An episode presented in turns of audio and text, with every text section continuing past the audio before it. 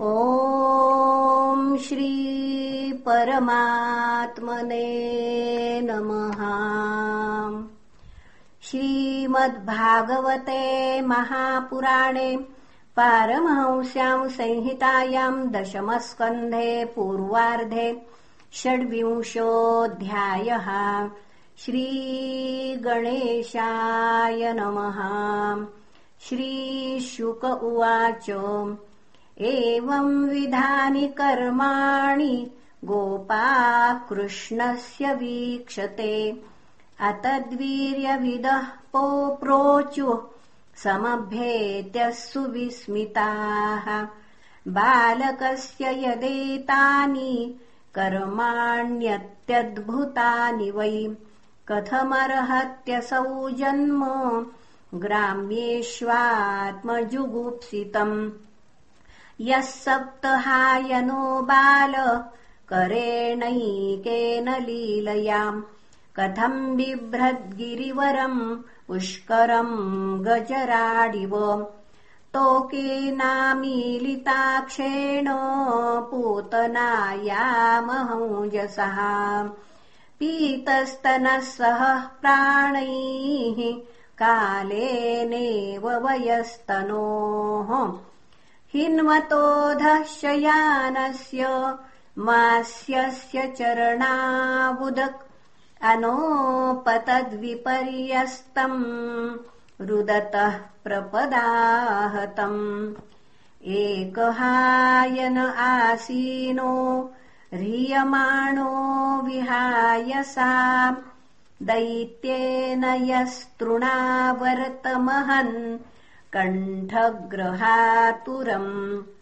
क्वचिद्ध्यय्यङ्गवस्तैन्ये मात्राबद्ध उलूखले गच्छन्नर्जुनयोर्मध्ये बाहुभ्याम् तावपातयत् वने सञ्चारयन् वत्सान् स रामो बालकैर्वृतः।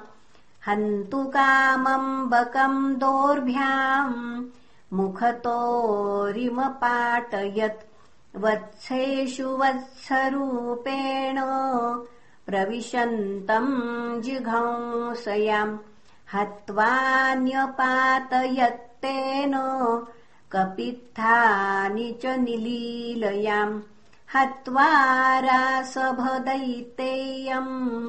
तद्बन्धूंश्च बलान्वितः चक्रे तालवनम् क्षेमम् परिपक्वफलान्वितम् प्रलम्बम् धातयित्वोग्रम् बलेन बलशालिना अमोचयद्व्रजपशून् गोपांश्चारण्यवह्नितः आशीविशतमाहीन्द्रम् दमित्वा विमदम् हृदात्।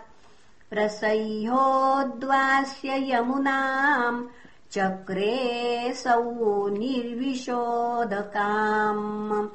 दुस्तजश्चानुरागोऽस्मिन् सर्वेषाम् नो व्रजौकसाम् नन्दते तनये स्मासु तस्याप्यौत्पत्तिकः कथम् क्व सप्ताहायनो बाल कः महाद्रिविधारणम्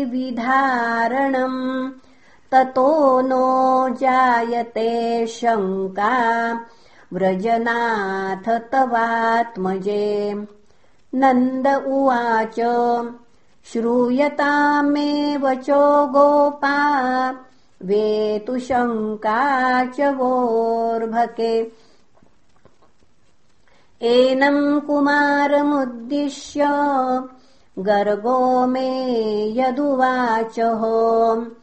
वर्णास्त्रयः किलास्यासन् गृह्णतोऽनुयुगम् तनूः।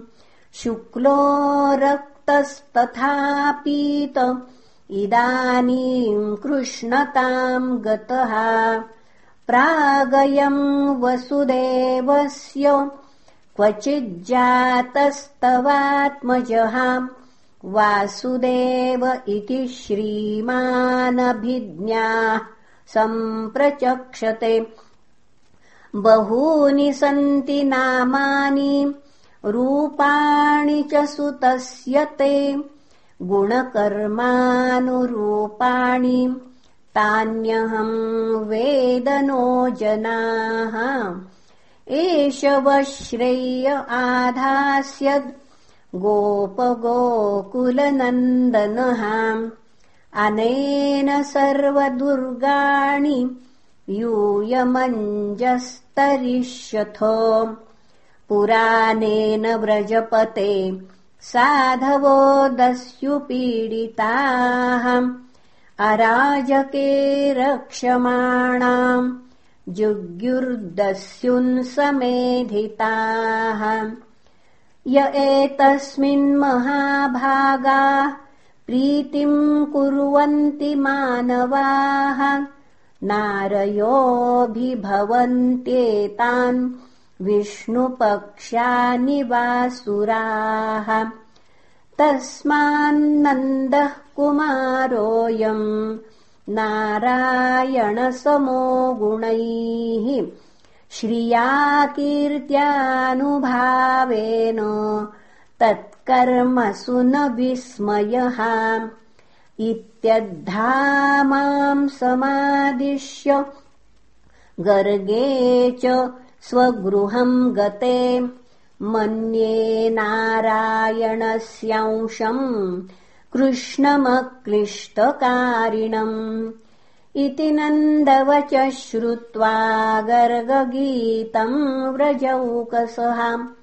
दृष्टश्रुतानुभावास्ते कृष्णस्यामिततेजसः मुदितानन्दमानर्चुः कृष्णम् च गतविस्मयाः।